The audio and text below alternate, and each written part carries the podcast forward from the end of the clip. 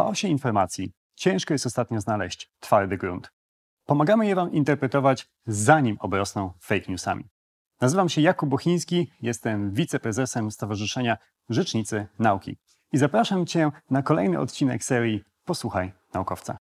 Chociaż chodzenie w maseczkach kojarzy nam się z azjatyckimi ulicami, to od 16 kwietnia i w Polsce mamy obowiązek osłaniać twarz wychodząc z domu poza uzasadnionymi przypadkami. Ponieważ ten kawałek tkaniny na naszej twarzy staje się teraz naszą koniecznością, warto przez chwilę zatrzymać się przy tym temacie. Naszym gościem jest dzisiaj profesor doktor habilitowany inżynier Arkadiusz Moskal z Katedry Inżynierii Procesów Zintegrowanych Politechniki Warszawskiej. Specjalista od układów rozproszonych, jakimi są aerozole i ekspert od ich filtracji. Dzień dobry panie profesorze. Dzień dobry panu, dzień dobry państwu. Wpływają do nas pytania e, od internautów e, na temat maseczek i w jaki sposób z nich korzystać, jak one działają. Pierwsze pytanie, panie profesorze, do pana. Jak w ogóle działają maseczki? Co one takiego właściwie filtrują? Maski przeznaczone są do ochrony układu oddechowego przed zanieczyszczeniami z zewnątrz w postaci cząstek aerozolowych. E, mamy dwa główne e, mechanizmy: filtrację plackową oraz filtrację wgłębną. W przypadku masek decydujące znaczenie ma filtracja wgłębna, polegająca na tym, że na drodze strumienia aerozolu stawiamy przegrodę e, włóknistą, porowatą przegrodę zbudowaną z włókien e, i teraz cząstki aerozolu penetrują w głąb struktury, gdzie na drodze mechanizmów e, odpowiednich fizycznych deponują się na tych włóknach, przez co usuwane są ze strumienia aerozolu. Możemy wyróżnić w filtracji mechanicznej, tej, która zachodzi w maskach, dwa podstawowe mechanizmy odpowiedzialne za usuwanie cząstek. Pierwszy jest to dyfuzja. Cząstki małe, mówimy tutaj o obiektach e, rzędu mikrometrów, a nawet mniejszych, są na tyle małe, że poruszają się ruchami Brauna. Na skutek tego przemieszczają się w stronę powierzchni włókna, na którym są e, deponowane, czyli wyłapywane ze strumienia aerozolu. Mechanizm ten jest intensywny e, dla cząstek małych, Natomiast wraz ze wzrostem średnicy cząstki jego efektywność maleje. Dla cząstek rzędu mikrometra i większych właściwie nie ma już żadnego znaczenia. Drugim e, mechanizmem odpowiedzialnym za wyłapywanie cząstek jest bezwładność. Cząstki mają gęstość większą niż powietrze, mają dość dużą masę w porównaniu z, takim, e, z powietrzem. Teraz, gdy strumień aerozolu napotyka na włókno, powietrze jest w stanie ominąć to włókno, natomiast cząstka posiadając sporą masę i bezwładność nie jest w stanie ominąć włókna i podąża do jego powierzchni, gdzie zostaje wyłapana i usunięta z powietrza. Ten mechanizm jest efektywny dla cząstek dużych. Tutaj masa ma znaczenie, to muszą być duże cząstki. I wraz ze zmniejszaniem się średniej cząstek jego efektywność spada. Jeżeli teraz nałożymy sobie te dwa mechanizmy, które działają jednocześnie zawsze na cząstkę, to dostaniemy charakterystyczny wykres sprawności. Proszę zwrócić uwagę, że y, pojawia się tutaj pewne minimum sprawności w obszarze pomiędzy od 0,3 do 0,6 mikrometra, czyli od 300 do 600 nanometrów. Tu opiszę, że widzimy wykres, który po lewej stronie dla małych cząsteczek pokazuje bardzo wysoką efektywność, po prawej stronie dla dużych cząsteczek pokazuje bardzo wysoką efektywność, a na środku spada i to drastycznie. Wygląda jak taka studnia, jak taki rów pomiędzy.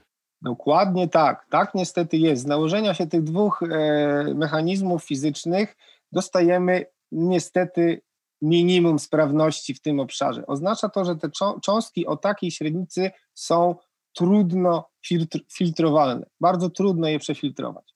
I co z nimi zrobić? To nie oznacza, że one prze, nie są w ogóle filtrowane. To znaczy w dobrze zaprojektowanych maskach, dobrze zaprojektowanych układach filtracyjnych po prostu to minimum jest na wysokości 99%. Prawda?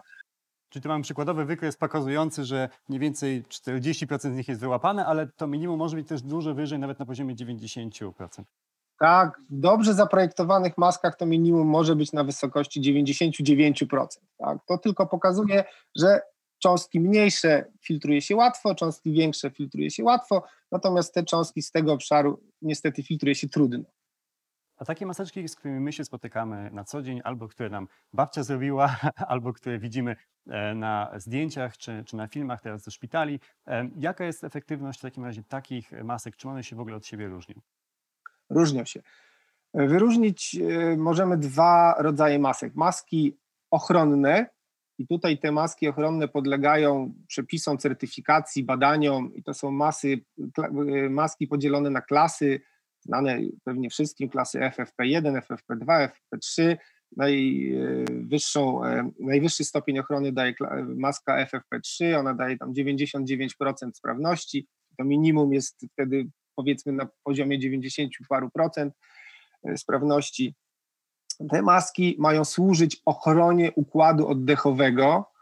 One są e, certyfikowane, sprawdzone właściwie w każdy możliwy sposób i powinny być przeznaczone do użytkowania dla osób bezpośrednio narażonych na kontakt z wirusem, z osobami zarażonymi, a więc dla pracowników służby zdrowia, którzy są no, najbardziej narażeni na oddziaływanie takich cząstek. W szpitalach zakaźnych, karetkach i tak dalej. Tak, tak. Wszyscy ci, którzy mają bezpośredni kontakt z wirusem. Natomiast y, druga grupa maseczek, bo tutaj należy zwrócić uwagę na to, że my również jesteśmy źródłem aerozolu. My generujemy cząstki aerozolowe podczas rozmowy, a szczególnie podczas kichania czy kasłania. Z naszego układu oddechowego wydzielane są cząstki, które zawierają wirusa. I teraz, aby ograniczyć tą emisję cząstek na zewnątrz, mówiąc krótko, aby ograniczyć rozprzestrzenianie się wirusa, możemy skorzystać z masek filtrujących i część tych masek właśnie, takie maski chirurgiczne, maski ogólnego użytkowania, maski, które możemy kupić w internecie lub sami sobie uszyć, one z reguły mają e, za zadanie ograniczyć emisję aerozolu emitowanego przez nas. Ich sprawność filtracji jest raczej niska, to znaczy, że to minimum filtracji jest powiedzmy na wysokości 30-40%. Czyli taka maska domowa, ja tu mam taką w ręce zrobioną przez moją babcię, którą na chwilę na czas naszej rozmowy zdjąłem. Może mieć około kilkudziesięciu, 30% na przykład, nie wiadomo jak wielu właściwie, jak wysoką efektywność. Tak, w tym obszarze trudno filtrowalnych cząstek ona może mieć dość niską e, sprawność filtracji. Natomiast te krople, które my emitujemy na zewnątrz, są raczej kroplami dużymi. Tutaj dane literaturowe są różne, podaje się od rozmiarów poniżej mikrometra do rozmiarów rzędu nawet i 100 mikrometrów. Z mojego doświadczenia wydaje mi się, że są to cząstki rzędu raczej mikrometrycznych, kilku mikrometrów, a więc jeżeli spojrzymy na ten wykres, to, y, tutaj mamy raczej wysokie sprawności y, wychwytywania tych cząstek, a więc jeżeli kaszlemy i kichamy, mając na sobie taką maskę, w zdecydowany sposób będziemy obniżali emisję tego aerozolu na zewnątrz. Czyli, czyli takie maseczki domowej roboty naprawdę są wysoce efektywne e, w przypadku przynajmniej tych większych cząsteczek aerozoli. E, a co jeżeli ktoś po prostu na szybko musi coś zaimprowizować?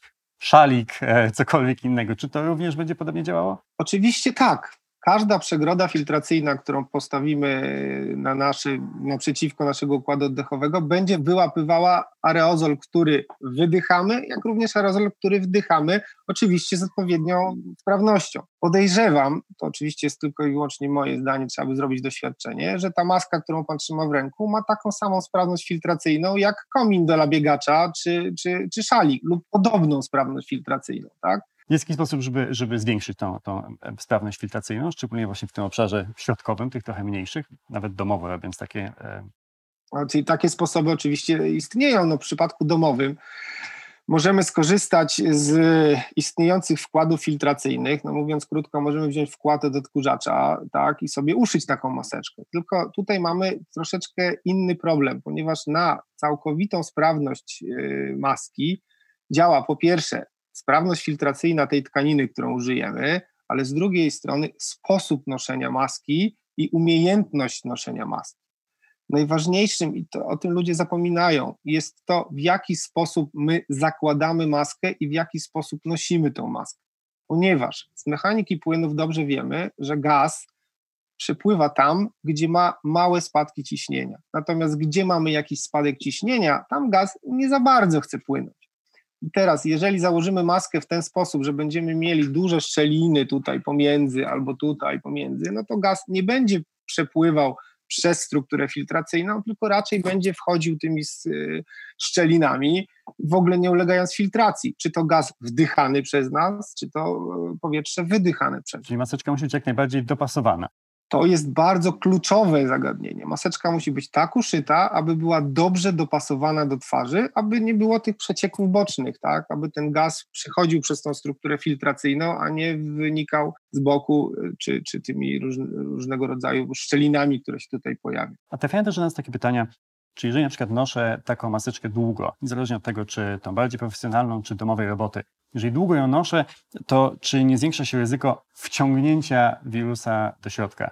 No i jak w ogóle radzić sobie z tym, że te maseczki często z nami są teraz cały dzień? Ja tutaj zdjąłem moją maseczkę tylko na chwilę na czas rozmowy, potem założę ją dalej. Czy powinienem ją nosić cały dzień, czy wymieniać? Mam trzy maseczki mieć ze sobą? Maski należy nosić stosunkowo krótko. Tutaj wpływa na to wiele czynników. Po pierwsze, jeżeli mamy dobrze zaprojektowaną maskę, wysokosprawną maskę filtracyjną, to wiąże się to z tym, że taka struktura filtracyjna będzie stawiała nam duży opór podczas oddychania. Mówiąc krótko, w dobrze zaprojektowanych maskach niestety płacimy koszty tego, że mamy wysoką sprawność filtracji, tym, że mamy duży spadek ciśnienia po prostu nie mamy komfortu pracy i komfortu przebywania w takiej masce. Ciężko się oddycha po prostu. Po prostu ciężko się oddycha, szczególnie ciężko się oddycha w przypadku, kiedy mamy wykonać jakieś czynności fizyczne, prawda? Kiedy zapotrzebowanie na tlen wzrasta, a tutaj mamy przegrodę przed twarzą, która nam blokuje dostęp tlenu. To raz. Dwa, problem z długim użytkowaniem masek polega na tym, że w przypadku takich masek domowej roboty z reguły nie mamy zaworu zwrotnego wydychamy powietrze przez maskę. Nasze powietrze, które wydychamy, jest w 100% nawilżone. A więc następuje w tej strukturze maski kondensacja pary wodnej. Ta maska po prostu staje się wilgotna. Tam zbiera się ta woda. No i proszę sobie wyobrazić, że teraz w tej strukturze porowatej, w której zdeponowały się te cząstki z zewnątrz, dostarczyliśmy jeszcze do tego wilgoć. To powietrze, które wydychamy, jest o temperaturze 35-36 stopni. Czyli mamy wręcz idealne warunki do rozwoju bakterii, zarazków i różnego rodzaju mikroorganizmów. A więc długie noszenie maski może spowodować to, że stworzymy bardzo dobre środowisko do rozwoju mikroorganizmów, prawda? Co w znacznym stopniu negatywnie wpłynie na to powietrze, które wdychamy. Co w takim razie robić? Kilka mieć takich ze sobą? Pracie często? Jak można w ogóle pozbyć się w takim razie tego? To, o czym powiedziałem, z reguły dotyczy masek takich wysokosprawnych, tak? czyli tych niskosprawnych również, ale w mniejszym stopniu. Mniej więcej po godzinie, po dwóch powinno się zmienić maskę. Zresztą przy, przy dobrze zaprojektowanej masce po prostu dłużej się nie da wytrzymać w masce. Tak? tak? To, to już y, ten dyskomfort będzie na tyle duży, że sami zdejmiemy tą maskę, sami będziemy chcieli ją odsunąć. Bo pojawia się tutaj jeszcze trzeci problem, o którym nie powiedzieliśmy. W wydychanym powietrzu znajduje się dwutlenek węgla. I teraz w tej przestrzeni pomiędzy naszymi ustami a maską może się pojawić zwiększone stężenie dwutlenku węgla. Mówiąc krótko, jeżeli będziemy mieli maskę na sobie długo, ta maska już nam się zatka, przytka, tak, bo, bo tam się skondensowała ta para wodna, możemy doprowadzić do tego, że zwiększy nam się stężenie dwutlenku węgla i po prostu mówiąc krótko, nie dotlenimy się, tak, będziemy niedotlenieni, stąd ta chęć zdjęcia tej maski i, i, i tutaj operacji przy niej z reguły przy długo używanych maskach. Co zrobić? No maski trzeba zmieniać, tak, ale maski również można w jakiś sposób y, dezynfekować, tudzież stosować wielokrotnie. Z tego co wiem, tutaj niestety nie jestem specjalistą od wirusologii i takich rzeczy, ale opary alkoholu na przykład, jeżeli ta maska jest z takiego materiału, że te opary alkoholu nie zniszczą tej maski, możemy po prostu w szczelnym pudełku wstawić na parstek alkoholu wysokoprocentowego i włożyć tam maskę i potrzymać ją 2-3 godziny. Te opary na pewno będą działały w jakiś sposób na te mikroorganizmy, które się tam będą rozwijały. Możemy spróbować prać tą maskę w wysokiej temperaturze, Możemy spróbować naświetlać ją promieniami UV. A w wysokiej temperaturze to, to jak wysokiej? Dopytam. No, no nie jestem specjalistą tutaj od mikrobiologii, ale wydaje mi się, że pranie na 90 stopni czy 60 stopni to już właściwie powinno w jakiś sposób tam tą maskę zabezpieczyć. Tak? Czyli takie maseczki wysokoskuteczne e, zmieniamy często, nawet kilka razy co godzinę na przykład. E, niżej skuteczne, czyli takie domowej roboty, szalik i tak dalej, e, od babci. Te z kolei możemy pewnie nosić chwilkę dłużej, ale tak czy owak woda się tam zbiera, potencjalnie nie- do końca bezpieczna sytuacja. Staramy się co jakiś czas je również zmieniać. Być może fajnie w takim razie mieć zapasowe. E, No i bierzemy, staramy się je dezynfekować. Dokładnie tak. Super. Świetnie. Bardzo dziękuję e, za tę rozmowę i za całą pomoc. Mam nadzieję, że nasi oglądający i słuchacze będą wiedzieli w takim razie, jak teraz stosować się do, do zaleceń, które zostały Dziękuję bardzo za rozmowę. Bardzo dziękuję dziękuję. Państwu.